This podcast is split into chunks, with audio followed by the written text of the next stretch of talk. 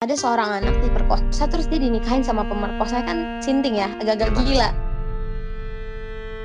untuk Oke. mencapai sebuah pernikahan dan dunia yang nyaman dan aman itu perlu ada kerja nyata dan kerja bersama antara laki-laki dan perempuan Halo, selamat datang di Imapres Podcast episode 6 with Dina Khairani.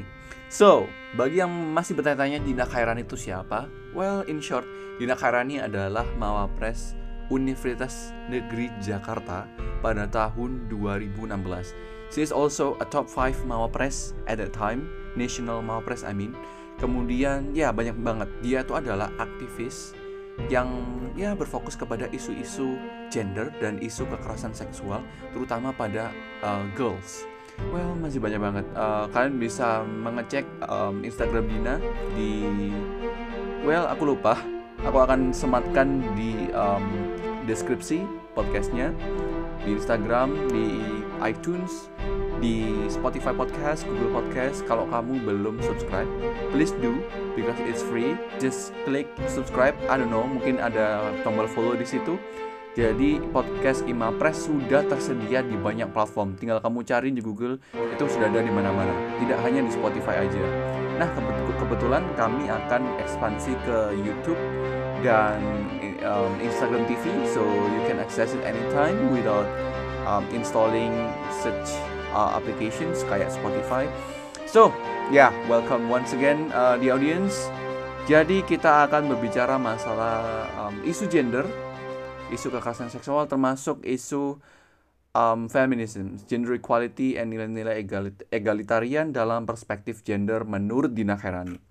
So, in short, um, karena Dina Khairani ini sempat berbicara selama setengah jam tepat tetapi terputus karena technical problems with Skype. Jadi aku lupa nekan recording. Jadi Dina bagaimana aku mendefinisikan Dina? Bagaimana orang seharusnya melihat Dina? So Dina menjawab dia adalah aktivis yang juga bergerak sebagai teknologis. Jadi dia tuh uh, bisa menjadi kedua role itu dua role itu karena dia mengalami trauma yang lumayan ironis. Jadi dia tuh pernah di sexual abuse di SMA-nya, oh di SMP-nya. Jadi pada saat itu kayak di apa saat dia praktik di kolam begitu di pelajaran penjazz orkes jadi dia tuh kayak dikerubungi lelaki gitu kemudian di sexual abuse nah Dina pada saat itu itu kayak trauma banget dan dia melaporkan ke sekolah tetapi tidak mendapatkan respon yang ya konklusif gitu. Ja- jadi sekolahnya tuh nggak mau bertanggung jawab menganggap kasus ini kasus sepele dan mengatakan kurang lebih kayak ya bagus dong berarti kamu disukai lelaki jadi ka- kamu jadi center of attraction laki-laki. Nah dari sejak saat itu Dina sejak saat itu Dina mengalami trauma yang sangat berat. Kemudian ada sebuah organisasi organisasi masalah proteksi proteksi em, anak kecil perempuan dari sexual abuse. Kalau tidak salah itu di sini namanya Plan International Indonesia. Eh, ya pokoknya memberikan sexual education lah. Jadi NGO ini ke sekolah-sekolah sejak saat itu eh, Dina tercerahkan dan mengikuti em, NGO itu. Ah ya jadi dia tuh em, ini Plan Indonesia for SMA or SMK jadi dia tuh ikut itu kemudian dia sejak saat itu jiwa aktivismenya keluar. Nah sejak saat itulah eh, Dina aktif di beragam eh, pergerakan untuk proteksi per- eh, perempuan dan sebagainya macamnya. Nah, untuk tahu lebih dalam bagaimana Dina uh, mengembangkan aplikasi khusus untuk proteksi, bagaimana sampai terrealisasi dan di dan disupport oleh pemerintah dan perspektif Dina masalah uh, gender equality di dunia ketiga yaitu Indonesia sebagai developing countries itu gimana seharusnya yang ideal. Oh, without further ado, let's begin the podcast. mas kategorinya dan dia bilang kayak anak itu punya em, 32 hak dasar yang harus dipenuhi dan lain-lain dan aku kayak kaget ah, aku nggak tahu ada hak dasar yang harus dipenuhi sama anak pada zaman itu dan salah satunya adalah hak perlindungan terlindungi dari misalnya hal-hal yang tadi kayak aku rasakan mendapatkan kekerasan seksual harusnya tuh aku punya teman untuk um, report atau aku tahu mekanisme pelaporan kekerasan seksualnya seperti apa. Nah akhirnya dari situ aku fokus kayak oke I have to apa namanya come back again terus kayak yang bangkit uh, dan hmm. malah jadi sedih jadi dari situ aku kayak berikan untuk diriku ya aku akan uh, memfokuskan diriku pada isu tentang kesetaraan uh, gender sama pemenuhan hak anak karena aku nggak mau ada anak-anak perempuan lain di luar sana yang mungkin ngerasain kayak aku juga di okay. dapetin kekerasan seksual terus jadinya cuman diem atau bahkan sampai bunuh diri karena malu kan kalau mau cerita gitu. Si, si. Jadi ada dua latar belakang ya. Kebetulan barusan ini aku baru record. Yang awal-awal tuh aku nggak nge-record. Jadi latar belakang yang Mbak yang ya signifikan banget sehingga nge-shape uh, jiwa aktivisme Mbak yaitu apa namanya um, kena kekerasan seksual, sexual harassment pada saat mm -hmm. sekolah, pada saat di kolam renang dan nggak bisa nge-report karena malah di scrutinize oleh guru sendiri oh. kayak gitu ya. Terus yang kedua adalah karena kedatangan NGO yaitu Plan Indonesia ya. Uh -uh. Ya, di Plan SMA.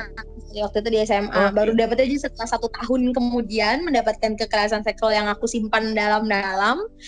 Akhirnya ya. baru tahu kalau sebenarnya itu lo bisa mereport gitu. Jadi kayak nah. uniknya gitu sih ya. Iya, ya. Jadi ini interesting ya. Jadi dari kedua significant event di kehidupan Mbak, Mbak terbentuk menjadi apa namanya aktivis uh, proteksi anak sekaligus juga ke kemungkinan gender, gender equality juga ya, gender equality activist. Nah, uh, masih aku masih ingin berbicara masa report mechanism nih. Kan banyak banget sexual harassment yang terkesan minor dan dan sulit untuk di proof gitu loh.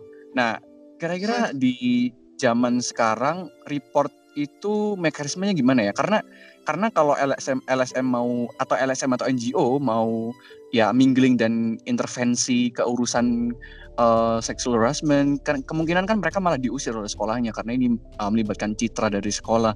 Kira-kira di institusi yang institusi yang formal seperti ini dan uh, juga ada misalnya UU ITE sehingga kita tidak bisa bersuara dan represi kira-kira gimana ya kita bisa survive dengan uh, kekerasan seksual di uh, zaman sekarang kayak gitu.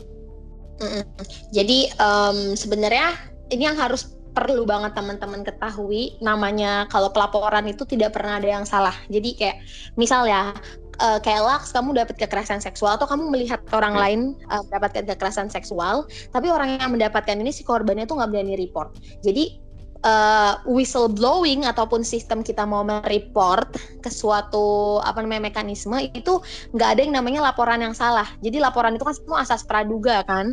Jadi awalnya nggak akan disalahin karena bentuk laporan apa pun akan diterima dan diproses. Jadi nanti setelah itu baru akan di proof apakah laporan ini benar atau um, tidak gitu. Jadi nggak mungkin dari pertama kamu langsung di blame ah, enggak kamu laporannya ngaco segala macam enggak. Jadi pertama kali kalau misalnya ada melihat orang lain yang merasakan itu dan yang nggak berani mereport yang paling penting adalah kita harus uh, bantu mereka. Siapa tahu emang mereka nggak tahu untuk melaporkan hmm. itu. Jadi nggak ada yang namanya kalau kita ngelaporin tahu-tahu salah kita dihukum tuh nggak. Itu yang pertama dalam sistem konteks kekerasan seksual ini ya. Sebelum aku uh, masuk ke itu ini ke, ke tips kedua uh, katanya -hmm. kakak kan ada asas praduga tak bersalah nih Nah, bagaimana nih dengan isu yang apa ibu-ibu yang melaporkan tindak kekerasan oleh kepala sekolah atau siapa gitu? Uh, Ibu Baida ya. atau siapa itu yang dilaporkan balik? Ya. Nah, ini kan uh, merupakan contoh di mana kita bisa ngelaporin ya. Itu kira-kira iya, gimana ya, dengan dengan asus asas praduga tak bersalah kayak gitu? Ya betul. Jadi ini lumayan kompleks. Jadi karena kalau itu nanti makanya masuk ke RUU PKS ya kan penghapusan kekerasan seksual. Nah makanya sebelum masuk situ, uh, masuk yeah. sebelum masuk situ kita harus tahu dulu sebenarnya bentuk-bentuk kekerasan yang mungkin kita alami kan. Jadi kalau kekerasan seksual itu kan kekerasan sorry banyak banget bentuknya kan, mulai dari fisik, uh, mental, terus kekerasan seksual, lalu kekerasan spiritual dan lain-lain itu tuh banyak banget. Jadi jenis-jenis kekerasan tuh super banyak. Semisal segampang kalian cuma dicolek terus ngerasa nggak nyaman itu udah bentuk kekerasan. It's violence. Dan kita boleh ngomong. Jadi kayak proses untuk okay. uh, menyelesaikannya itu banyak tahapannya. Kalau misalnya kayak cuma dicolek, let's say, dan aku merasa tidak nyaman terus aku bilang misalnya ke kamu, eh, aku nggak nyaman ya Laks dan pegang-pegang aku karena itu bisa menghamper my rights and something like that nah itu oke okay, clear di sana pelaku uh. dan korban sama-sama menyadar maksudnya udah sadar dan uh, mengiyakan gitu kan itu di tahapan hmm. paling kecil paling levelnya lumayan kecil kan nah nanti naik lagi ke tahapan yang misalnya um, udah di report nih sama pelaku um, terus udah Hmm. dikasih tahu sama pelaku eh sorry eh, korban pelakunya tuh ngerasa ya kenapa itu kan cuma sebenarnya biasa aja kok lu baperan banget kayak misalnya itu tuh udah level Iya sih atas kebanyakan gitu kan- sih sekarang. at some point tuh kita ngerasa kayak ah gue tuh maksudnya tujuannya intensitasnya berbeda loh dengan yang lo pikirkan tapi balik lagi bentuk kekerasan itu akan terjadi kayak bullying atau apa pun itu terjadi jika ada sesuatu pihak yang ngerasa dia um, less Iya. power dan dia ngerasa nggak nyaman kayak gitu jadi mau Iya. cuman dicolek itu kita harus sadar harus tanya konsennya kamu nyaman nggak dilak eh, Iya. aku pegang kamu nyaman nggak segala macam nah kalau baik Nuril ini kan si Bu baik Nuril yang dari Lombok Baik itu Nurul. Ah. Mataram atau Lombok lupa nah jadi dia sebenarnya adalah em, itu yang dilakukan sama Bu Baik Nuril udah benar banget. Dia punya apa namanya ya em, datanya dia punya bukti Mhm. lalu dia laporkan ya kan? Tapi yang salah sebenarnya ada di sini di sistemnya. Apa yang dia sudah lakukan dia sudah melaporkan terus em, dia punya buktinya em, setelah itu dia kasih tahu kalau dia nggak nyaman dan ini memang bentuk pelecehan seksual eh, secara verbal yang jahat sekali dilakukan sama orang atasannya yang punya power lebih besar gitu kan. Nah kamu kalau ngeliat di sini Ya. siapa sih pelakunya di sini? Pelakunya kan laki-laki satu. Kedua pelakunya Ah. siapa? Pelahnya yang punya power lebih besar.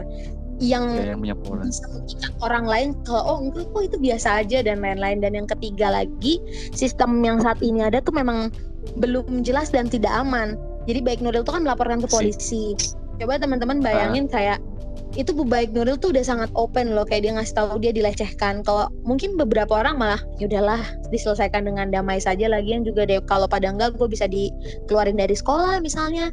Nah hal-hal yang Iya. kayak gini tuh benar-benar dilawan gitu makanya em, sistem kalau kamu mau tahu mekanisme pelaporan em, yang ada di Indonesia saat ini itu lumayan lama banget prosesnya pertama Ah, kalau misalnya I see. yang paling rendah ya kita tuh bisa melaporkan ke eh, orang-orang terdekat kayak contoh ibu-ibu PKK eh ibu-ibu PKK di daerah kita nanti kalau udah dari ibu-ibu Oke. PKK itu dia bisa reportnya naik lagi ke P2 TP2A Pusat Pemberdayaan Perempuan dan Perlindungan Anak dari Hmm, I see. report setelah lagi baru naik ke kepolisian di ke kepolisian apakah Oh. ditemukan salah atau enggak baru itu bisa diangkat ke meja hijau sidang Wow. ditemukan Jadi nggak bisa langsung file a report gitu ya, membawa Nah, iya. membawa apa Betul. namanya bukti sendiri gitu. Nah kalau uh, mau yang langsung bawa bukti sendiri yang sampai saat ini adalah kalau misalnya itu memang udah berat banget laporannya gitu.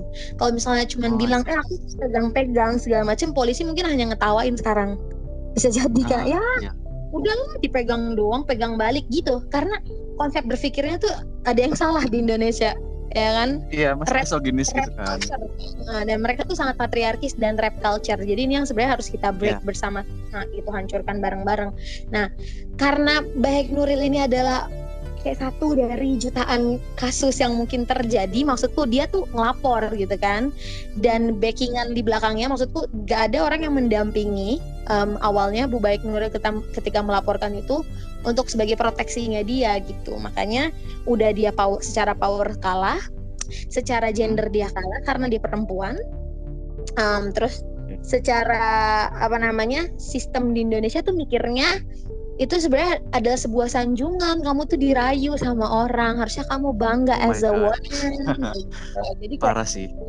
Betul. Jadi itulah yang masih aku bilang ini ber- perlu di underline sama kita bersama. Kita tuh masih ada di dunia yang penuh dengan sistem rap culture dan patriarkis. Jadi Oke, oke. em, nya sejak saat itu aku berpikir ini kalau aku mau ngegabungin dan nyambungin makanya si gerakan lapor yuk eh, mekanisme pelaporan Ya. kekerasan seksual yang aku buat ini dia nggak perlu lagi kita harus knock knock the door ke kepolisian misalnya karena eh, tendensi untuk itu bocor em, laporan kita tuh tinggi banget loh kalau dari mulut ke mulut kan kayak Hmm. bisa aja kayak tanda kutip kita julid loh atau kayak keceplosan si let's say ibu P2 TP2A-nya eh iya tadi ada cewek kayak gini ngelapor dia digini-gini jadi itu malah nyebar beritanya nah makanya apa sih Oke. the safest the safest way makanya aku bikin si uh, pelaporan secara online ini jadi ketika mereka mendapatkan kekerasan seksual atau mereka melihat orang lain mereka kayak punya panic button tinggal klik di mana daerahnya terus taruh GPS Hmm, I see, I see.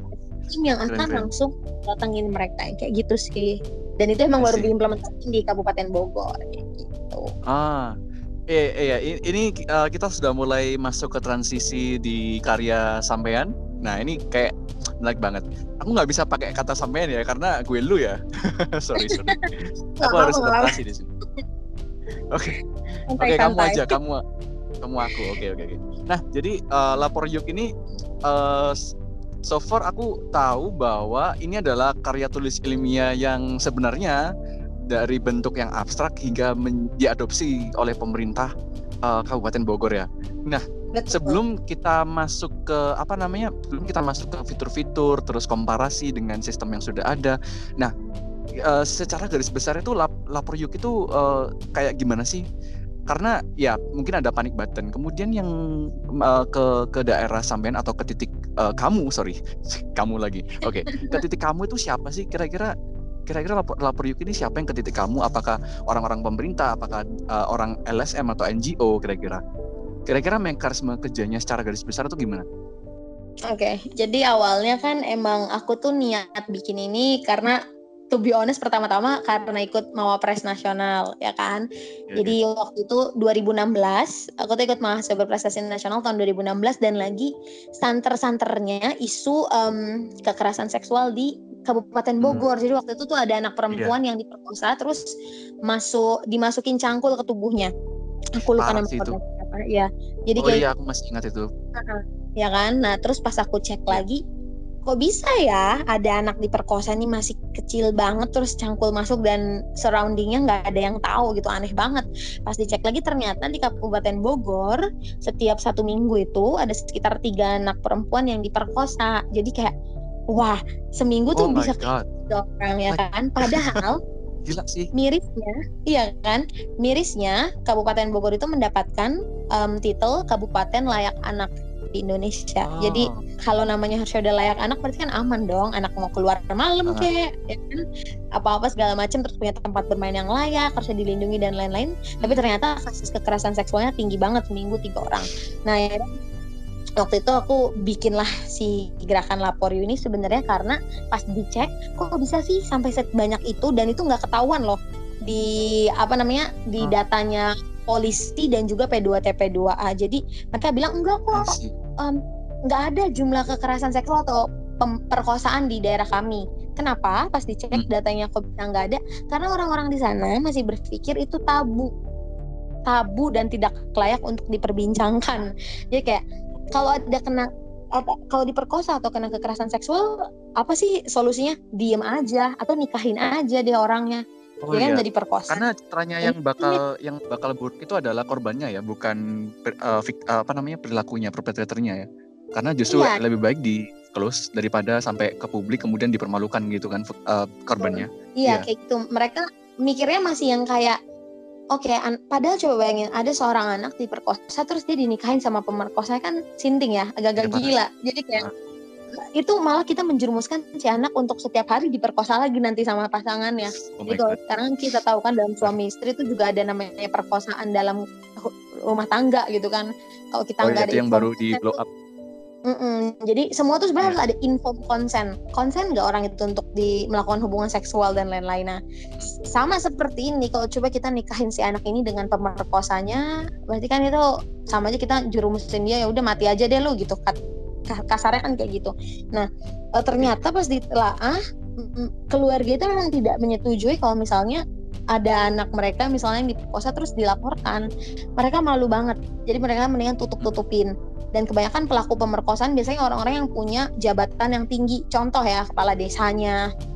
Atau misalnya orang-orang pemuka pemuka di sana deh gitu. Misalnya kayak punya super power di sana. Dan jadi kalau misalnya mau dilawan pun mereka yang akan jadi orang yang kalah kayak gitu. Nah yang kayak Hmm. gini mereka kalau kita lihat dari sini kita lihat berarti mereka nggak punya kesadaran kan? Nggak ada awareness sendiri sama tubuhnya mereka sama proteksi diri mereka dan lain-lain. Makanya si lapor you ini bukan hanya sebagai aplikasi untuk pelaporan tapi kita ada tiga um, value yang kita angkat. Pertama adalah proses raising awareness. Jadi percuma kalau kita udah buka buat aplikasi untuk pelaporan tapi nggak ada yang ngelapor ya useless kan berarti nggak Oke. nggak tercapai KPI-nya kan Wa- walaupun nggak Iya. berdoa biar banyak laporan yang masuk gitu karena berarti kalau laporan banyak masuk kan kekerasan makin tinggi kan nah kayak gitu jadi Nah. kita raising awareness dulu at least mereka Nah, tuh bisa trial error.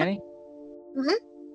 Iya kak, raising awareness-nya ini kayak gimana? Maksudnya cukup pakai digital campaign atau kakak ke tiap-tiap apa Uh-uh. namanya ke tiap-tiap ibu ibu PKK ke masuk-masuk ke pengajian atau gimana kira-kira? Me- metode paling efektif untuk masuk ke masyarakat akar rumput nih? aku tidak ngerjain ini sendirian. Jadi aku ada tim karena aku sadar banget aku kan bukan orang Bogor ya aku tuh tinggal di Jakarta. Tapi eh, kenapa di Bogor? Kan tadi alasannya karena isunya itu kan lagi santer sekali di sana. Terus juga nggak ada yang tahu bagaimana cara melapor. Nah akhirnya raising awareness-nya itu ini kan Kabupaten Bogor tuh ada 40 kecamatan bener pelosok Dramaga sana segala macam tuh Pamijahan aku tuh udah datengin jadi 40 kecamatan itu bener-bener keliling dan kita kerja barengnya sama satu forum anak Kabupaten Bogor. Jadi Hah? kita tuh harus punya kekuatan, kita nggak mungkin kerja sendiri dan gak jadi ini sebagai lawannya pemerintah. Justru aku masuk sebagai Oke. hey pemerintah, you have lag system in here. That's why aku masuk ke sini. I wanna help you untuk memajukan program-program kamu selanjutnya gitu kan. Jadi pertamanya mereka memang nggak nggak nggak welcome kan, tapi ya udah kita proof dulu. Uh, terus kita tarik lah forum anak Kabupaten Bogor. Forum anak Kabupaten Bogor itu kan tersebar di 40 kecamatan toh. Jadi mereka punya pionir-pionir di kecamatannya. Lalu Hah? juga sama Ibu P2 TP2A, pengurus P2 TP2 tadi pusat eh, pelayanan terpadu pemberdayaan perempuan dan perlindungan anak. Di sana kita kayak kasih tahu dulu ini loh yang mau kita share dan sebenarnya ternyata em, isu yang kita angkat tuh ada di work plan-nya mereka, tapi mereka nggak melakukan itu karena nggak tahu gimana caranya.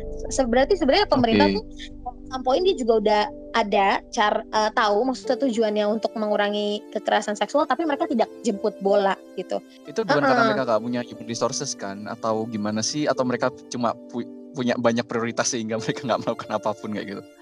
Kalau kelihatannya sih mereka human resources-nya ada, cuman karena Iya. konsepnya cara mereka adalah nunggu aja sampai ada yang report dan itu nggak mungkin. Oh, Jadi see. memang Iya. dia nggak jemput bola. Akhirnya kita kasih tahu kayak ya kalau lu mau ini semua orang masuk eh, dan mengerti, berarti kita benar-benar harus datangin mereka satu-satu gitu. Jadi apa mitra-mitra tanda kutip ini yang udah kami dekatin kayak misalnya di Forum Anak Kabupaten Bogor, terus P2 TP2 Kabupaten Bogor, kita deketin. Pertama-tama kita kayak ngajak makan dulu segala macam. Nah, habis itu mereka akhirnya udah paham dan lain-lain.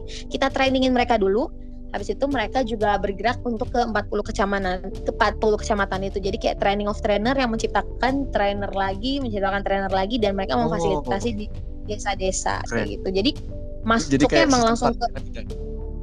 Heeh, jadi masuknya tuh langsung ke sekolah. Kita datengin sekolah juga karena kan yang paling penting tuh anak-anak tuh di mana sih adanya di sekolah toh gitu. Jadi kita kerja sama sama guru-gurunya juga yang ada di sekolah.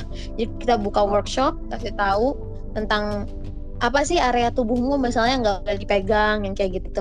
Apa yang harus kamu lakukan kalau gurumu semisal itu melakukan kekerasan tersebut. Ya kan orang paling mungkin orang terdekat itu adalah orang yang paling mungkin melakukan kekerasan terhadap kita.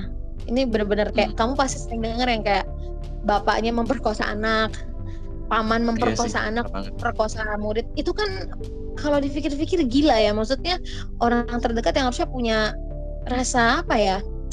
Yang nggak mungkin lah gitu nggak mungkin mereka melakukan itu. Tapi ternyata um, sorry to say di dunia ini ternyata banyak monster gitu kan. Nah jadi kita harus memproteksi dulu dari dalamnya. Jadi kalau misalnya kita pengen semua anak itu terlindungi, nggak cuma kita koar-koar kepada orang-orang dewasa, hei kamu tidak boleh menyakiti anak-anak. Nah kita juga harus memperkuat Hmm. dari dalamnya anak. Kita harus tahu, kamu tuh punya proteksi dini, kamu tuh punya batasan di mana kalau orang lain melanggar itu kamu harus apa? Lari, laporkan dan apa kayak gitu. Jadi dari dua arah langsung ngasih taunya gitu. Jadi Oke, ke sekolah, ibu-ibu PKK segala macam kita juga melakukan itu. Nah, Oh, oke kak. Nah, jadi kan ini masih eh, eh, masih fitur pertama ya, yaitu eh, bekerja sama dengan NGO-NGO yang sudah ada. Nah, kira- kira-kira kakak pernah kayak memiliki masalah mengenai paradig- paradigma masyarakat yang masih memikirkan bahwa ini tabu, sehingga nggak bisa dibawa ke ranah formal misalnya, sehingga nggak bisa dibawa ke ranah-ranah, eh, let's say pengajian ibu-ibu atau bagaimana, sehingga hanya bisa ke sekolah dengan apa namanya deskripsi yang singkat dan tidak bisa sampai mengena mendalam gitu karena uh, paradigma yang menganggap mas ini masih tabu untuk membicarakan hal seksualitas dan kekerasan seksual. Kira-kira kakak kakak apakah pernah mendapatkannya dan bagaimana cara nge-overcome itu untuk mengatasi itu? Iya itu pasti iyalah kayak misalnya kita kan bisa ngomong kayak gitu karena kita punya privilege bersekolah sampai tinggi jadi kita tahu kan apa sih hak hak yang harus kita dapatkan dan lain-lain berbeda sama kalau kamu kita mau ngomong ibu-ibu pengajian yang mungkin mereka pendidikannya lulusan SD SMP dan emang dari zaman dulu udah terbiasa perempuan itu harus menjadi number two person in this world kayak gitu kan. Nah makanya mak hmm. tadi kita tuh menggayatnya yang kayak aku kan gak mungkin kerja sendirian. Nah jadi aku membentuk tim tank lah di sana yang bekerja juga masuk ke pengajian itu adalah harus dengan bahasa ibu-ibu pengajian gitu. Nggak mungkin lah datang-datang ya ibu ini adalah gender equality. Mungkin mereka kan muntah kali kalau gitu kan. Yeah, yeah. emang harus pakai bahasa manusia gitu. Karena menurutku mungkin mereka kenapa pusing? Karena bahasa terlalu bahasa dewa selama ini yang dia tahu kan. Yes, makanya kita harus manusiakan bahasa itu gitu kan. Jadi uh -huh. Kalau mau masuk ya ke ibu-ibu pengajian kita harus pegang dulu kepala ibu-ibu pengajian ini yang mana gitu uh, nah jadi yeah. yang paling tahu adalah orang-orang di desa itu kan di kecamatan itu makanya tadi kita punya kader-kader dari P2 TP2A, kita punya kader-kader forum anak. Nah, makanya yang benar-benar ngomong ya kalau anak ke anak yang ngomongnya bahasa anak, ibu-ibu ya bahasa ibu-ibu mungkin sambil ngomongin cabai berapa sih harganya sekilo sekarang yang kayak gitu-gitu loh. Dan penetrasinya memang nggak nggak cepet gitu loh, yang nggak yang sekali pertemuan langsung ngerti enggak nggak mungkin. Itu kayak enggak yang yeah. semalam langsung paham. Jadi emang proses untuk raising awareness mereka itu tuh bahkan kita kayak almost like six months to one year. Wow. dan itu terus terusan nggak boleh lepas. Karena kalau dalam satu kecepatan aja. Uh, itu kan bergerak serentak. Jadi kita serentak gitu jalannya. Paralel oh, itu tapi kayak, okay. aku kelilingnya tuh ya jadi kayak nggak mungkin aku set badanku dibilang 40 kan. Jadi kadang-kadang ya timku kan ada juga. Ada timku juga di yang di Kabupaten Bogor. Jadi misalnya aku nyebar aku hari ini di Pamijahan ya minggu ini. Terus nanti dia ya dia di desa lainnya di kecamatan lainnya yang kayak gitu. Jadi emang wah luar biasa banget sih itu. Kalau aku ya, pikir-pikir lagi banget sih coveragenya itu coveragenya luas banget sih kayak udah kampanye caleg aja itu 40 kecamatan gila itu itu luas banget sumpah ini masih banget sumpah keren gak dan uh, kira mungkin kita membawa aliran sesat oh Oke, okay. ini kan uh, effort kakak yang pertama incorporate dan masuk ke ranah-ranah sekolah dan uh, perkumpulan ibu-ibu. Nah, kira-kira yang kedua apa sih? Kan tadi ada tiga nih yang dilakukan. Iya. Nah itu tadi value pertama, value yang kedua adalah si aplikasi ini sendiri, aplikasi lapor nya Jadi dia tuh mobile application yang bisa di download, hmm? eh di download, di download di Google Play Store. Oke. Okay. Di Google Play Store. Jadi um, sambil tadi raising awareness tuh kita sambil ngasih tahu nih ada fitur lapor you pasti kan mereka kepo apa sih lapor you gitu nah akhirnya kita jelasin kalau di Jakarta tuh kita punya clue clue itu yang dibuat sama oh. waktu itu um, uh, uh, wali apa gubernurnya DKI Pak Ahok dulu. Itu tuh apa namanya kalau misalnya ada lampu mati itu tuh kita bisa report langsung ke aplikasi itu jalanan jelek. Oh oke. Okay. foto upload kayak gitu. Jadi emang uh, aplikasi untuk keluhan karena ini sebenarnya sistemnya kurang lebih sama kayak gitu. Jadi kayak kalau kita tagline-nya adalah ambil posting laporkan jadi kalau misalnya kita ngelihat uh, ada ketidakberesan misalnya aku selalu ngasih contohnya kamu melihat temanmu perempuan misalnya disiulin sama abang-abang ojek let's say atau dipegang-pegang tapi dia nggak reaksi gitu kan kamu bisa langsung okay. kayak report kalau kamu bisa ambil fotonya take ambil lalu uh, klik posisi GPS-nya di mana lalu tinggal posting laporkan. Jadi kamu bisa deskriptif kayak saya melihat teman saya bernama Dina atau kalau nggak mau pakai nama itu bisa mereka eh, dia digodain sama abang-abang tukang ojek di jalan ini ini nih simple bener-bener bahasa bahasa manusia deh. Dibikin kayak nggak usah yang baku banget. Diposting Kak. nanti karena kita udah kerja sama sama P2 TP2A, P2 TP2 anyway ini kan punya pemerintah. Jadi sebenarnya kita mengaktifasi uh, tim-tim yang ada di pemerintah gitu. Jadi bukan bikin tim baru kita gitu kan. Nah, mereka yang akan nice. jemput bola. Jadi setelah aplikasi mas eh, apa report masuk teng teng gitu kan. Itu kan warna hijau. terus aplikasi diproses dia berubah jadi warna kuning eh sorry aplikasi Oh, masuk gitu. merah sorry merah kalau diproses langsung jadi kuning lalu mereka akan datang ke tempatnya jadi kan nanti udah ada kayak nama siapa nomor HP-nya gimana itu bisa dikonfirmasi ke pelapor atau korbannya langsung kayak gitu. Nanti setelah aplikasi eh, laporannya selesai nanti dicentang berubah jadi warna hijau kayak gitu. Jadi ada adminnya dan Oh. tuh sistemnya yang memang akan mantau itu. Dan kita kerjasama sama em, P2 TP2A polisi rumah sakit dan juga mm, eh, ke proses kejaksaan gitu. Jadi proses em, judicial proses nah empat orang ini tuh nanti kalau misalnya kita mau mereport yang udah parah banget kayak perkosaan gitu. Eh, orang yang melaporkan ini nih bisa pilih laporan ini mau dikirimkan ke siapa. Kan nggak mungkin kalau udah level perkosaan di reportnya ke, cuman ke level P2 TP2A jadi dia bisa langsung report tuh meja hijau atau report tuh polisi. Jadi dia bisa pilih tuh levelnya kayak gitu. Nah setiap polisi em, maksudnya institusi polisi P2 TP2A rumah sakit itu tuh bisa langsung oke ada laporan yang harus saya selesaikan kayak gitu. Jadi mereka tuh sama-sama kita gerakin bareng. Kalau rumah sakit contohnya ketika diperkosa kan berarti harus divisum toh. Nah itu bisa langsung Oh iya. kan ke rumah sakit. Rumah sakit terdekat yang ada di Kabupaten Bogor kan. Jadi anaknya itu bisa langsung dibawa di visum dan itu jadi gratis kayak gitu. Jadi ini linkage dengan BP BPJS pokoknya tentang ya kayak Wow. gitu gitu jadi mereka nggak perlu bayar dan lain-lain. Kayak gitu Keren banget integrasi. semua institusi tuh merasa memiliki dengan laporan-laporan ini kan. Kalau selama ini kan mereka kerjanya nafsi-nafsi ya sendiri-sendiri maksudnya. Hmm. kayak udahlah P2 TP2 udah lu urusin aja sendiri. Lu kan levelnya level bawah tuh misalnya laporan-laporan awal. Yang Hmm. lu urusin dulu deh gitu. Kalau yang ini tuh enggak justru kita menyatukan semua institusi itu cukup-cukup masukin dan setiap laporan itu orang yang melaporkan tuh dia tahu oke gue mau ngirimkan ini ke rumah sakit. Berarti kalau rumah sakit nggak tin- bertindak lanjut nggak ada nggak ada follow up actionnya em, terus nggak diselesaikan reportnya itu nanti adminnya in here kayak bakalan hey hey look at this gitu. Ini ada laporan tertunda segala macem. Seperti itu. Oke. Jadi kalau misalnya ada apa, let's say kekerasan seksual minor, sesimpel dicuit-cuitin kan kayak sulit banget gitu loh kak. Mungkin eh, mungkin orang-orang yang di bawah misalnya P4 apa tadi? P2, Sulit. PP2, PP2 itulah. Ya, Uh-uh. masih emang masih coba untuk mengingat. Nah, kira-kira intervensinya kayak apa terus? Kayak kalau misalnya itu minor aggression sesimpel dicuit-cuitin nggak sampai di nggak sampai di apa dicolek gitu. Mhm. Misalnya kalau laporannya itu membludak, kira-kira gimana dong eh, ngefilternya? Em, em, eh, apa namanya menentukan prioritas mana yang harus diintervensi, mana yang enggak kayak gitu. Iya, jadi kan ini memang penting banget tuh kan kalau udah di tataran semua orang udah aware untuk mereport kan. Dan sampai saat ini tuh Iya. kita belum sampai di titik yang everybody reports that gitu. Nggak belum sampai Oh, tapi penting banget sih karena em, satu ya mungkin tadi mungkin receh ah nggak usah jadi di report gitu kan. Ada aja pemikiran kayak gitu kan.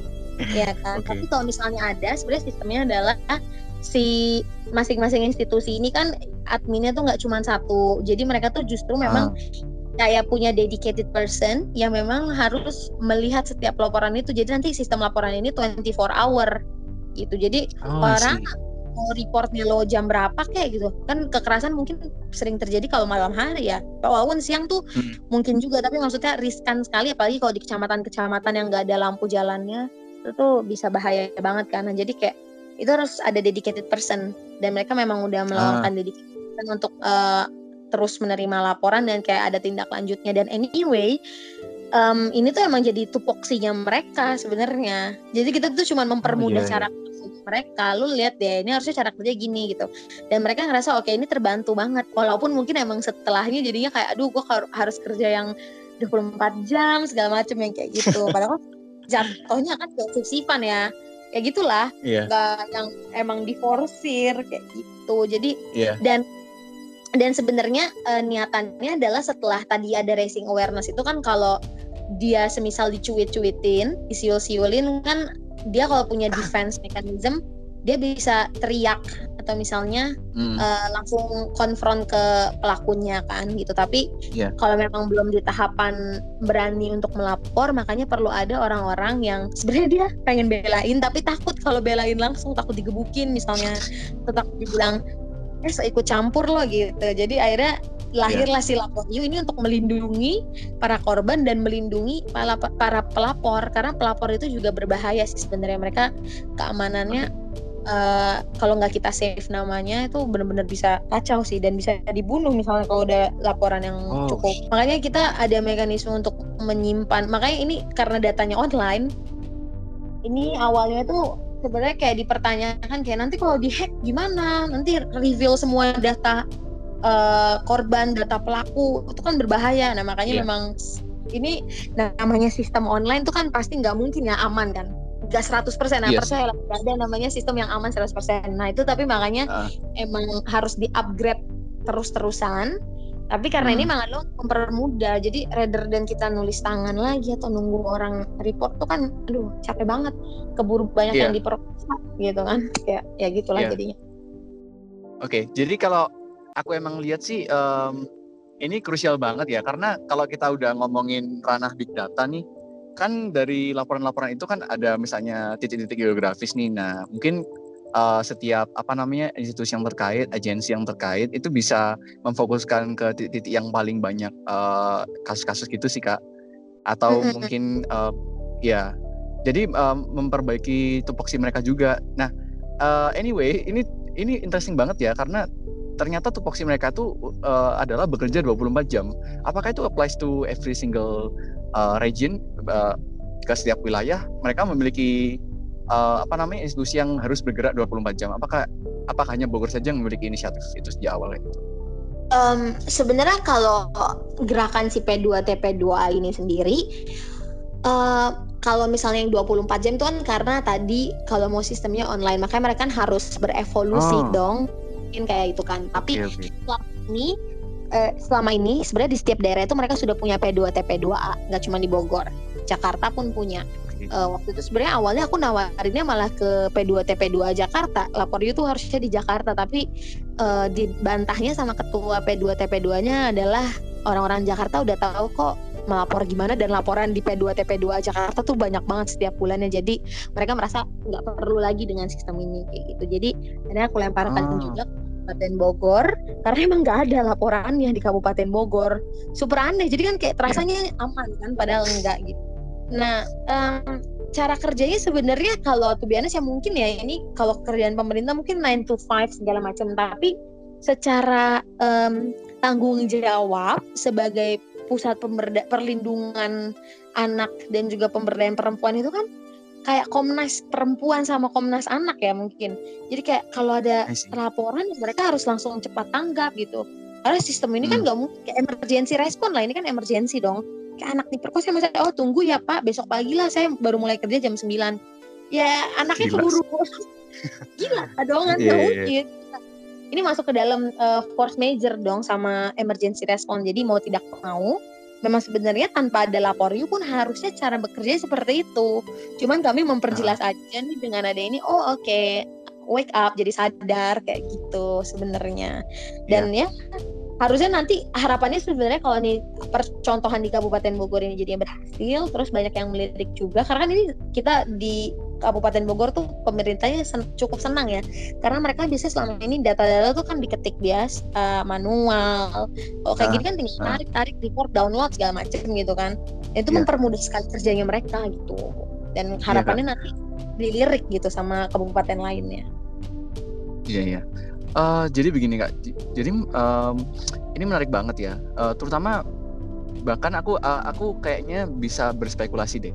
Kalau misalnya value kakak yang pertama adalah apa tadi sosialisasi dan raising awareness, justru itu ke depannya bakal menurunkan jumlah rata-rata uh, laporan kayaknya ya. Kayak karena kalau udah mereka udah aware, mereka tahu bahwa ini perlu di fight back without uh, needing to report or anything. Jadi mereka nggak perlu nge-report, uh, melainkan mereka langsung feedback aja. Nah itu mungkin bisa menjadi titik baru um, aplikasi ini ke depan gitu loh. Kalau emang value pertama udah tercapai. Kira-kira bisa begitu nggak? Iya, jadi kalau itu kan memang yang raising awareness kan harapannya kalau laporan-laporan yang semisal dia mendapatkan catcalling dia bisa fight back kan nggak mau nggak perlu lagi kayak nah. report eh, langsung yang ditangani segala macam tapi kalau misalnya mereka memang perlu untuk mendapatkan um, pengamanan tanda kutip di sini adalah uh, pendampingan. Jadi itulah okay. fitur yang ketiga. Jadi adalah pendampingan. Nah, Asli. itu kan sebenarnya orang report, uh -uh, orang mereport itu kan nggak selalu dia aman ya. Bisa jadi uh. itu terancam loh karena ketahuan oh gue di report nih sama si Dina misalnya kayak gitu kan. Terus kayak ngajar nih orang segala macam. Nah, itulah pentingnya ada tahapan yang ketiga ini pendampingan. Walaupun mungkin dianggapnya adalah laporannya ya cuma di catcalling tapi kalau misalnya catcallingnya malah ber, beranjak menjadi lebih liar lagi setiap hari hmm. di feedback dan lain-lain ini tahapan yang ketiga pendampingan. Jadi memang um, kita punya tim yang untuk melakukan pendampingan dan benar-benar ngamanin si korban ini atau pelapor. Itu yang penting. itu terdiri dari psikiater atau apa itu dari terdiri dari psikiater atau gimana yang ya. mendampingi ini? Pendampingan itu banyak banget. Ada yang bisa jadi ke psikolog, psikiater. Kalau rumah sakit berarti dia harus di rumah sakit direhabilit direhabilitasi juga dulu. Atau misalnya pendampingan okay. semisal yang dia harus ditemanin ke sekolah, pulang ditemenin lagi ke mana-mana harus ditemenin lagi sampai jangka waktu tertentu. Karena anak ini merasa tidak nyaman kan, dan dia harus beraktivitas sehari-hari misalnya kayak gitu. Jadi um, proses kalau misalnya tadi udah raising awareness, terus sudah tahu melapornya gimana, yang paling penting adalah tadi pendampingan ini. Dan kita benar-benar mendampingi korban, misalnya korbannya adalah kekerasan seksualnya adalah diperkosa. Jadi dia mau naik itu ah. fight back, fight sampai ke meja hijau misalnya ke judicial process. Ya kita harus dampingin di judicial process karena kebanyakan ini menariknya lagi tapi miris orang yang udah diperkosa itu misalnya dia udah oke okay, saya fight back nih gitu kan sampai ke level meja hijau. Setelah udah ditanyain di meja hijau justru kasusnya tuh diambil lagi gitu ditarik balik sama keluarganya keluarga korban. Kenapa? Karena mereka oh. diancam sama pelaku. Dan mereka takut banget. Mereka takut banget. Jadi kayak udah nggak apa-apa deh. Daripada kita dibunuh gitu dibantai satu keluarga mendingan udah tarik lagi aja um, kasusnya. atau atau bahkan atau bahkan orang yang punya power ini ngasih duit banyak banget gitu biar nggak di blow up. Bisa aja kan gap? Bisa jadi. Tapi yang kemarin kasusnya ketemu adalah karena mereka benar-benar diancam sama kayak ada tukang pukul pelakunya oh, gitu. parah sih. Uh, uh, dan dia bilang udah kayak rentenir itu utang. Uh, cabut nggak tuh kasus gitu kayak laporan? Karena kalau korbannya udah mencabut laporan kita nggak bisa memaksakan loh karena kan itu dari korbannya udah bilang oke okay, we are safe kayak gitu kan. Sama aja kalau misalnya kita mau dibully segimanapun ya kata-katain kalau kita yang ngerasa nggak terbully itu ya nggak bisa. Karena orangnya nggak merasa jadi disudutkan gitu. Nah ini yang makanya agak-agak disayangkan tuh kadang-kadang udah kita bener-bener dampingi udah kita kasih tahu tapi ya di realitanya itu lebih kejam nggak uh, teori yang kita pikirkan kayak gitu sih iya in, in practice kira-kira kakak sudah mengadvokat satu kasus besar nggak satu kasus se apa namanya sekelas paus yang yang so far itu kalau nggak ada lapor yuk atau gerakan kakak ini nggak akan terselamatkan. Kira-kira pernah ada kasus yang kakak advokasi nggak so far dengan gerakan kakak ini? Kalau lapor yuk sampai sekarang sebenarnya belum ada yang sampai perkosaan kayak gitu. Um, karena okay. bertahap kan. Itu kan aku 2016 inisiasi terus um, 2017 itu baru keliling-keliling tuh di Kabupaten Bogor dan si Pemkapnya itu baru mengiyakan untuk membiayai itu sebenarnya di 2018 jadi emang prosesnya lama banget terus kita establishing wow. si ya itu perlu meyakinkan dan diplomasinya tuh lama jadi nggak yang oke okay, gue kasih duit dan mereka kan harus nyari alokasi dana dulu kan dan kalau misalnya alokasi yeah. dana kan pasti dua tahun Nah sedangkan kemarin tuh kayak sayangnya kan kayak mau wapres tuh kan gak di awal tahun dan lain-lain. Jadi emang ah nunggu tahun oh. depan ya Mbak Dina gitu. Jadi ya mau nggak mau ya kayak gitu. Tapi kan show must go on. Terus kita tetap yang kayak tetap keliling-keliling untuk um, promosiin dan juga raising awareness. Akhirnya establishing si apa namanya tuh aplikasinya. Terus dia meluncur lah di tahun 2019 ini gitu. Jadi okay. secara raising awareness kadang-kadang laporannya itu selama lagi di establish lapor review aplikasinya tuh jadinya datangnya ke langsung ke PD2 TP2A-nya dulu kayak gitu. Jadi masih kemarin yeah. yang beberapa manual gitu. Jadi yang mungkin akan banyak nanti masuk uh, masuk laporan-laporan tuh bisa di awal 2020 Januari karena kan zaman sekarang kan juga semua millennials sama Gen Z kan pasti punya HP kan yang kayak tinggal klik okay. install ya kayak gitu. Tapi selama ini sih Oke. kasus besarnya masih disayangkannya belum terlalu banyak terblow up ya karena tadi sih itu ternyata setahun setengah untuk ngasih tahu kalau orang diperkosa itu bisa diselamatkan dan Oh, itu agak susah gitu. Oke, Kak. tahu mereka eh, bisa Iya. Ini eh, berkaitan dengan implementasi eh, karya-karya dan prototipe-prototipe para mahasiswa nih. Kan jarang banget kan mahasiswa yang punya prototipe yang inti besar itu sampai ter apa terimplementasi seperti kakak apalagi eh, bekerja sama dengan entitas terbesar ya itu pemerintah. Nah, kira-kira ide-ide eh, para akademisi yang jarang-jarang banget nih eh, terimplementasi di masyarakat akar rumput eh, kunci gimana ide kita tuh bisa terimplementasi gitu.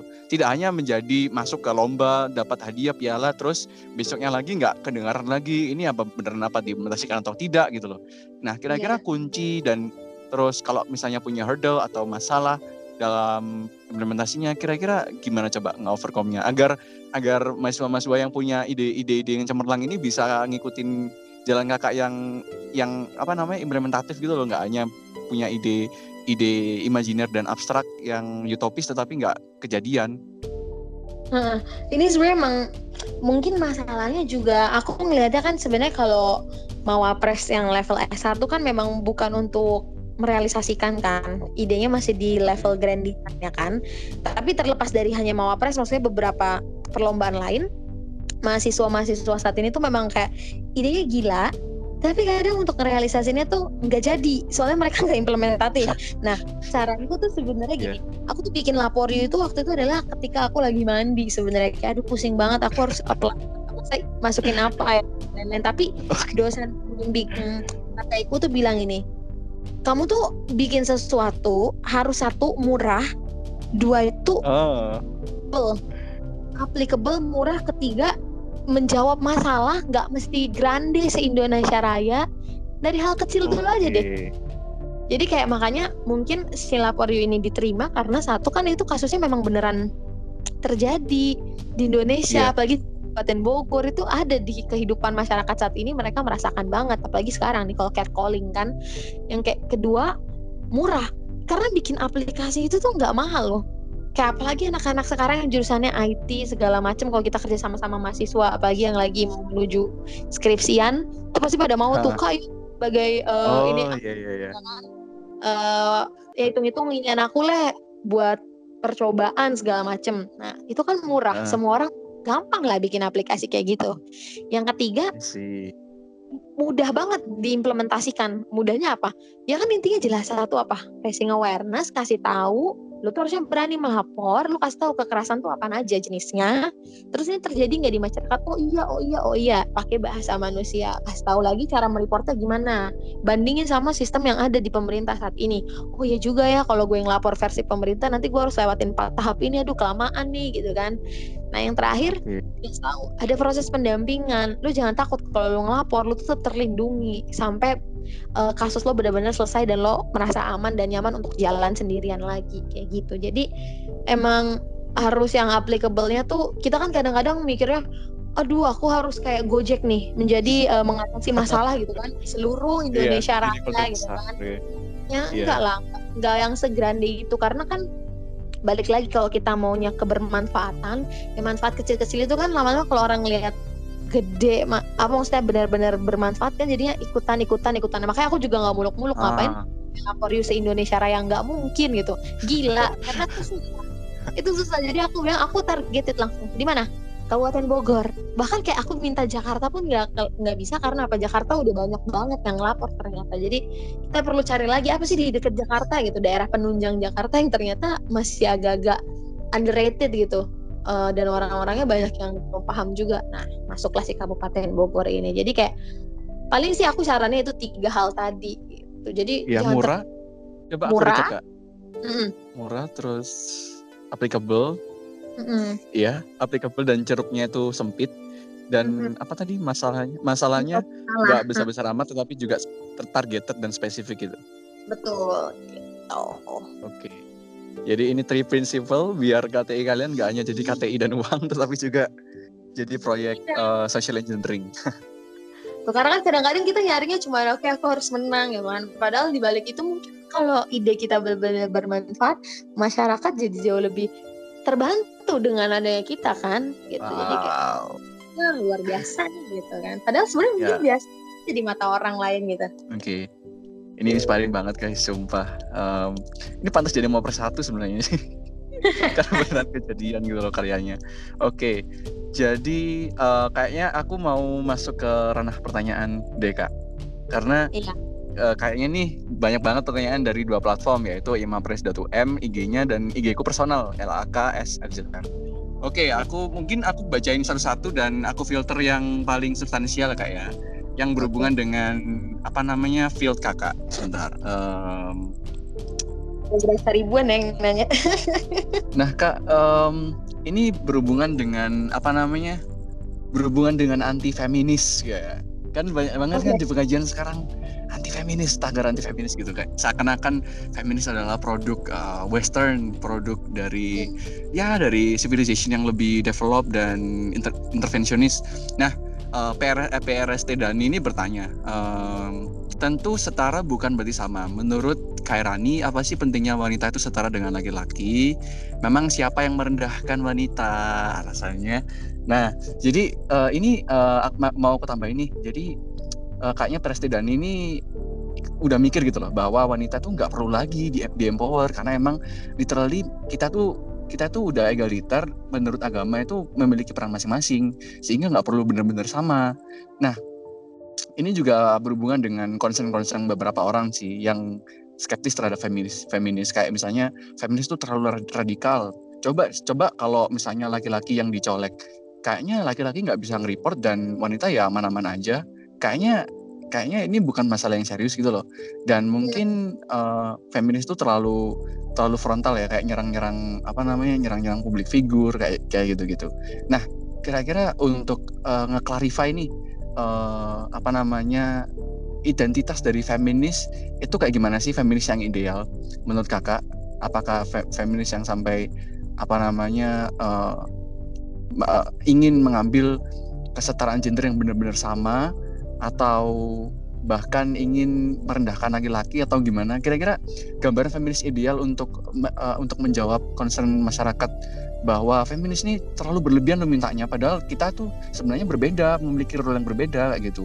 Kalau jadi ibu rumah tangga ya ibu rumah tangga aja mungkin kayak gitu. Kira-kira gimana kak? Klarifikasi klarifikasi kak.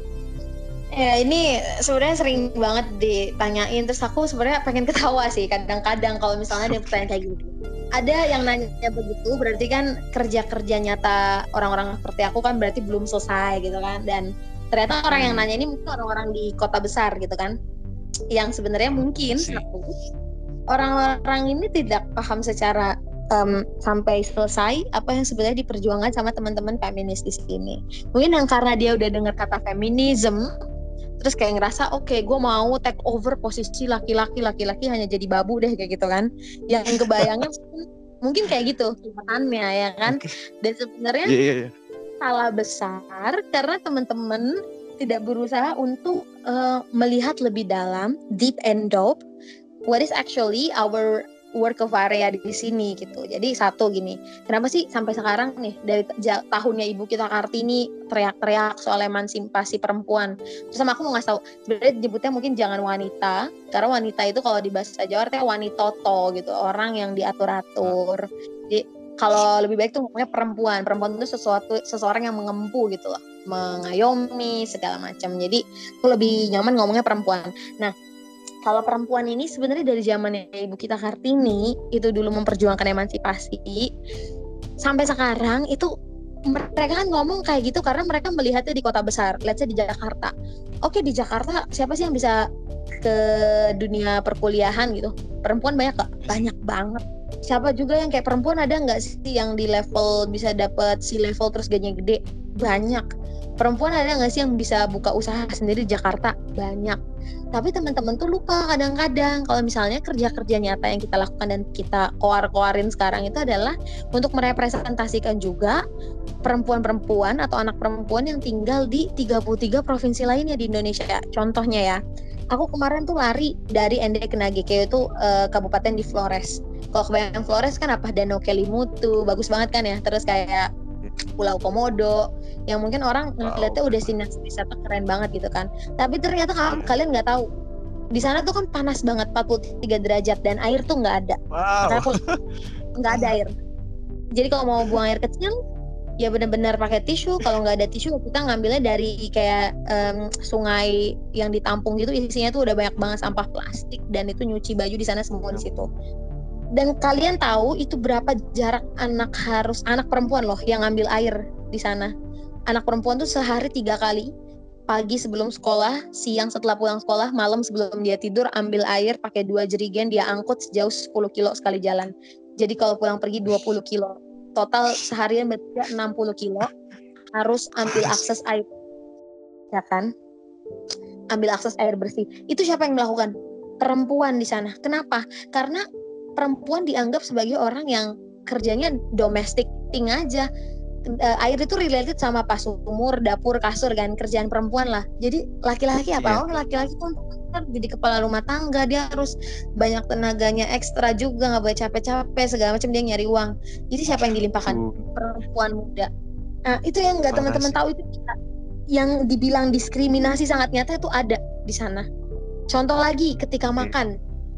Makan, mereka misalnya satu keluarga tuh punya ikan ya, ini gambarannya ikan, ikan bakar gitu. Siapa yang boleh makan pertama di sana? Laki-laki tua dulu, tua adat. Habis itu siapa? Laki-laki muda. Habis itu siapa? Ibu-ibu. Habis itu yang paling terakhir siapa? Anak perempuan yang boleh makan sambil nyuci piring. Kalian bayangin dia jilat-jilatin duri terus sambil nyuci piring. Duri. Gimana cara nutris, nutrisinya dia terpenuhi? Ujung-ujungnya ntar stunting, ujung-ujungnya apalagi kalian pikirin deh kalau udah stunting dan nyusahin nggak bisa dapat kerja sama orang tuanya dia Iya. apain? Dinikahin lagi. Nikahin sama siapa? Nikahin pas usia anak. Nikahin sama siapa? Sama orang-orang di desanya lagi yang juga miskin. Apa akhirnya kalau misalnya udah nikah usia anak terus miskin, miskin lagi double. Udah nggak akan ada namanya tuh keluar anak miskin. Betul. Jadi udah kita tuh cuman berujung pada kemiskinan. Jadi kenapa feminisme ini kita terus gender equality kita keluar-keluarin karena long term effect-nya tuh sampai ke sana gitu. Kita nyadar. Karena teman-teman di sini mungkin nggak relate to the issue dan ngerasa ah akses gampang gitu kan makan tinggal GoFood. Terus kalau misalnya mau mandi tinggal nyalain air panas, air dingin, mau Oke. bosan tinggal nonton bioskop yang kayak gitu-gitu kan. Jadi mereka nggak relate to situ. Jadi yang uh, ditekanin sebenarnya kita nggak pengen taking over posisinya laki-laki. Eh, Mari kita lihat ke big picture thinkingnya, lebih isu lagi yang ada di daerah-daerah lain. Itulah yang kita perjuangin sampai saat ini. Dan emang orang-orang tuh rata-rata orang miskin tuh jadi gini data tuh menunjukin penghasilan rata-rata orang miskin laki-laki itu 3 juta, sementara perempuan adalah 2,2 juta. Jadi Ah, kadang kalau misalnya apa ya em, itu tuh parah banget karena perempuannya itu juga bayangin dia udah di rumah udah dia nggak terberdayakan nggak bisa sampai mendapatkan pendidikan yang tinggi lalu harus ngurus anak lagi melahirkan anak-anak yang dididik oleh seorang ibu yang tidak mendapatkan pendidikan yang layak lalu mereka miskin. Jadi kayak kebayangkan bonus demografi nanti hasilnya siapa? Ya orang-orang ini. Kayak gitu. Ah. jadi kalau sebenarnya kesetaraan gender tuh bawa untung loh buat laki-laki ini yang perlu laki-laki pahamin loh. Jadi kesetaraan gender itu membawa keuntungan ekonomi seperti yang disebutin dalam risetnya McKinsey. Jadi norma sosial juga menciptakan ketidaksetaraan gender yang mengatakan laki-laki tidak boleh mengurus anak dan rumah tangga. Itu kan sebenarnya apa? Um, social construction yang bikin kan ah ngurusin orang eh, anak-anak ngurusin segala macam tuh kan ya perempuan lah gitu urusannya. Segala macem nggak ada tuh laki-laki. Padahal tadi bayangin kalau ibunya aja nggak tahu tentang bagaimana cara mengurus anak terus bapaknya masa bodoh wassalamualaikum kan anaknya jadinya kayak gimana Ya Allah. Iya iya Nah, iya. Oke oke. Pengennya tuh balance gitu bukan bukan memposisikan laki-laki biar di bawah kita tapi kita kepengen ada posisi yang setara di sana dan emang pembagian kerja-kerja di di rumah tangga tuh yang nggak kayak bilang ah bapak bapaknya itu kan memang kerja ibu tuh ya di rumah aja memang nggak apa-apa loh sekarang zaman sekarang emang nggak bisa kerja di rumah kan bisa online shop dan lain-lain tapi maksud Iya. kita ada pembagian tugas-tugas nyata itu sendiri tadi gitu Iya. Kayaknya uh, lelaki yang kebakaran jenggot bahwa feminis akan apa taking control of society kemudian merampas pekerjaan kayaknya tuh justru mengafirmasi kenyataan bahwa selama ini yang menguasai apa namanya menguasai dunia kerja menguasai dunia profesional dan sebagai macamnya uh, social role semuanya tuh laki-laki. Buktinya mereka kebakaran jenggot dan takut kayak gitu. Mungkin mungkin itu sih. Nah mungkin kalau uh, ada sampai kayak tagar anti feminis uh, menurutku sih kak sebelum aku tanya perspektif perspektif kakak kayaknya uh, feminis sekarang itu udah masuk ke beragam spektrum sih uh, feminis sekarang itu udah mulai masuk ke nge-support apa namanya proteksi LGBT kaum LGBT dan mm-hmm. sampai ya dan portrayal bahwa feminis itu sampai kayak buka buka apa namanya top uh, ada gerakan yang namanya topless sampai buka baju dan mengatakan hmm, bahwa aku aku nggak apa-apa dong memperlihatkan nipples, memperlihatkan payudaraku di depan umum. Nah mungkin itu sih yang jadi apa namanya portrayal uh, kenapa ibu-ibu pengajian sekarang sudah mulai tumbuh gitu loh anti, anti agar anti feminis. Nah kira-kira kakak hmm. mungkin sebagai feminis Indonesia, kira-kira feminis Indonesia tuh harus gimana sih biar uh, pergerakannya tuh nggak di nggak di apa namanya nggak dihelat oleh orang-orang kayak gini atau mungkin feminis itu memang in nature selalu akan di uh, selalu akan diboykot oleh orang-orang yang memiliki uh, nilai tradisionalis memiliki nilai konservatif nah, ya.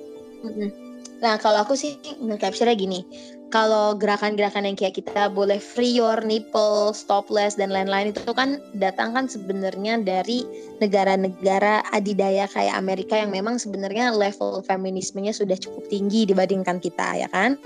Nah, okay. yang kenapa banyak sekali orang-orang yang kayak udah keburu muntah dari cuman ngedenger dan ngelihat itu karena kita terlalu progresif. Maksudku gini, progres itu baik progresif baik tapi mungkin memang secara um, sistem patriarkal kita ini belum siap untuk langsung ke tahapan itu. Karena kita sendiri belum berdamai dengan diskriminasi yang ada di lapangan tentang perempuan itu boleh bersekolah gitu. Jadi okay. kita nggak bisa kita nggak bisa langsung jumping untuk langsung uh, free your nipple segala macam itu itu be sebenarnya bebas. Kalau misalnya kita mau memakai kacamata feminis adalah kacamata perspektif um, human rights hak asasi manusia. Jadi sebenarnya yang diangkat adalah hmm. yaitu right gue apakah gue mau pakai bra or not? Apakah gue mau potong rambut sependek apa pun itu iya atau enggak? Karena kan beauty standard yang diciptakan masyarakat saat ini kan udah dari zaman dulu kan. Jadi kita tuh emang yeah. udah terkolonialize dari dulu kalau ya cantik itu rambut panjang hitam bibirnya merah rambut badannya putih tinggi semampai kayak gitu gitu kan jadi yeah. dengan melihat ada perempuan kok kamu bisa bisanya tidak pakai bra di depan umum, bisa bisa rambutmu pendek kayak laki-laki gitu. Orang tuh huh. uh, aku rasanya juga sebenarnya masyarakat kita memang belum terlalu siap untuk ke sana. Jadi ngelihatnya adalah kita wah astagfirullah kamu tuh harus dirukyah karena itu nggak boleh segala macem. Jadi kalau aku sendiri, aku pribadi, aku um, akan masuk memberitahu teman-teman itu tentang feminisme nggak serta merta kayak gitu. Jadi kalau yang aku lakukan adalah aku lihat dulu mereka masuk dalam golongan yang udah paham atau belum kan levelnya beda-beda. Jadi kita nggak mungkin okay. nyuapin orang terusan kan pasti muntah.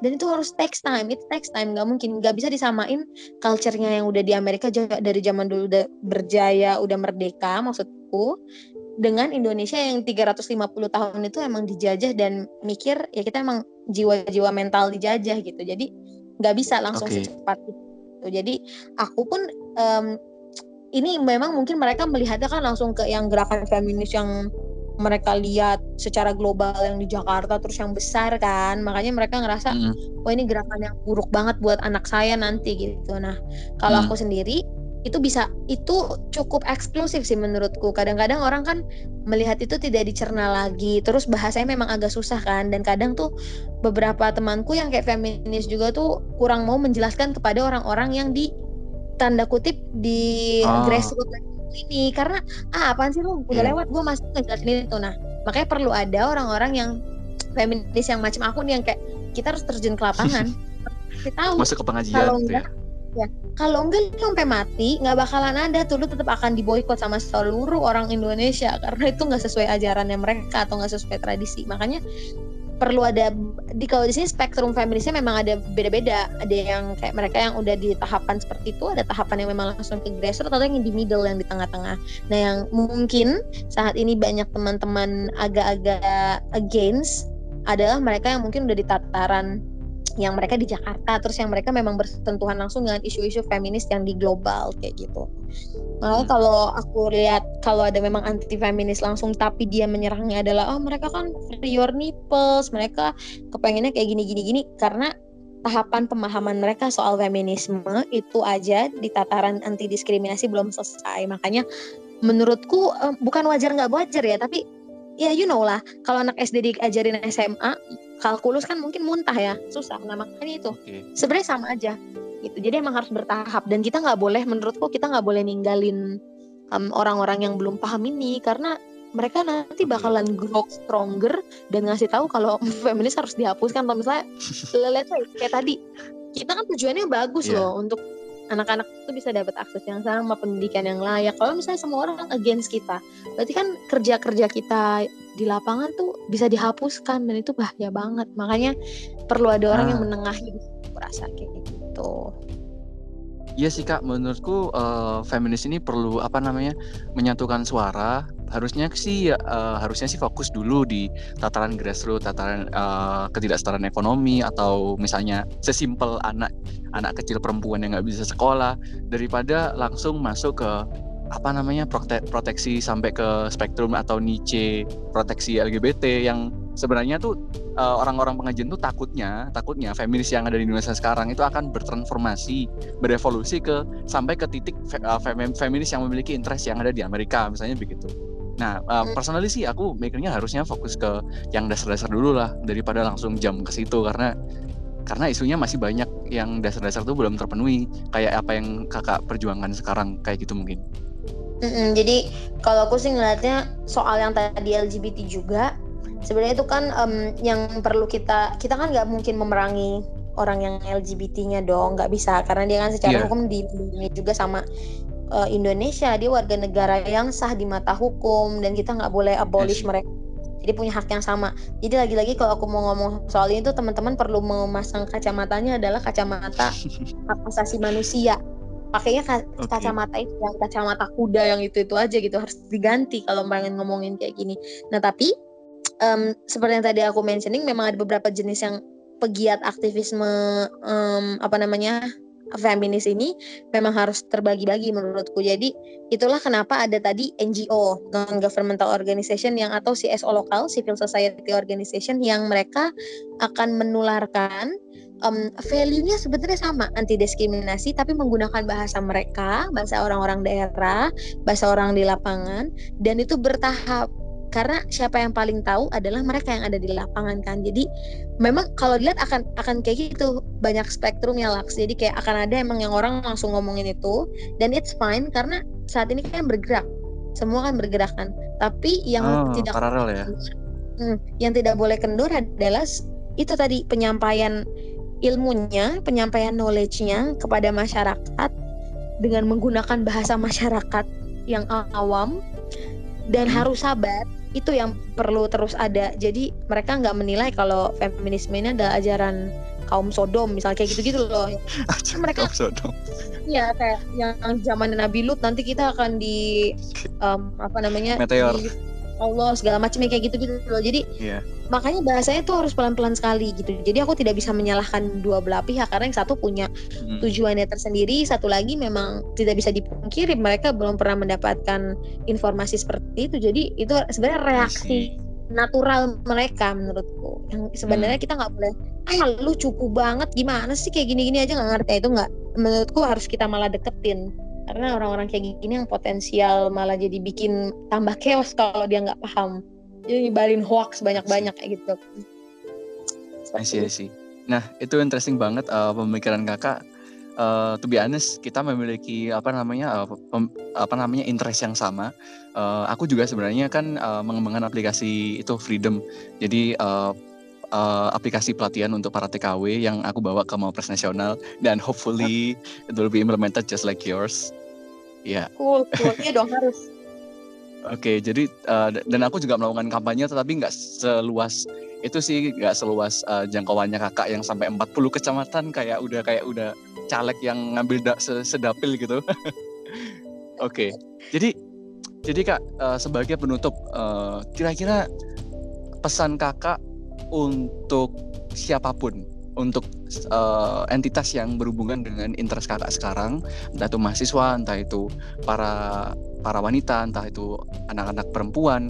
Kira-kira pesan kakak, pesan singkat atau harapan kakak ke depannya untuk uh, entitas tersebut, kira-kira kayak gimana sebagai penutup?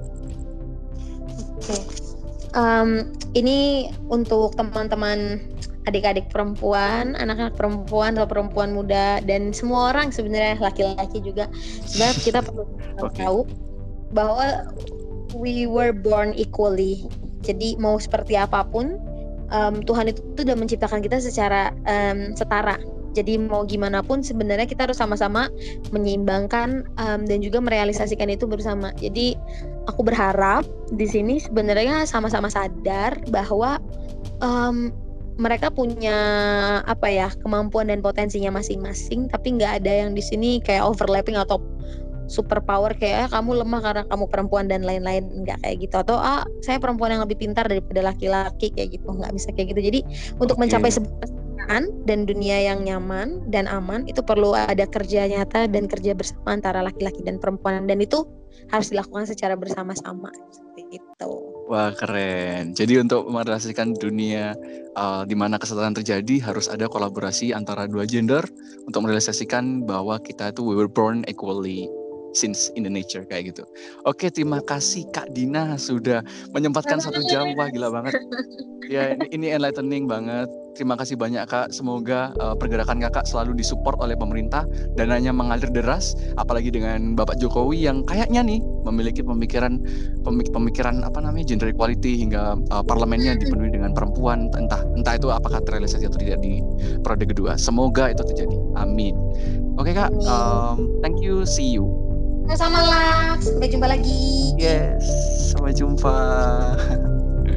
Hola pendengar yang setia, kami sangat mengapresiasi bagi kalian yang telah mendengarkan podcast Imapres dan ikut berpartisipasi dalam Q&A sebelum recording dimulai. Bagi kalian yang telah memfollow Spotify Imapres dan ikut membagikannya, kami juga sangat berterima kasih. Apabila kalian memiliki ide, topik, atau rekomendasi darah sumber, cukup bilang saja ke imapres.um di Instagram dengan melakukan DM. Terima kasih.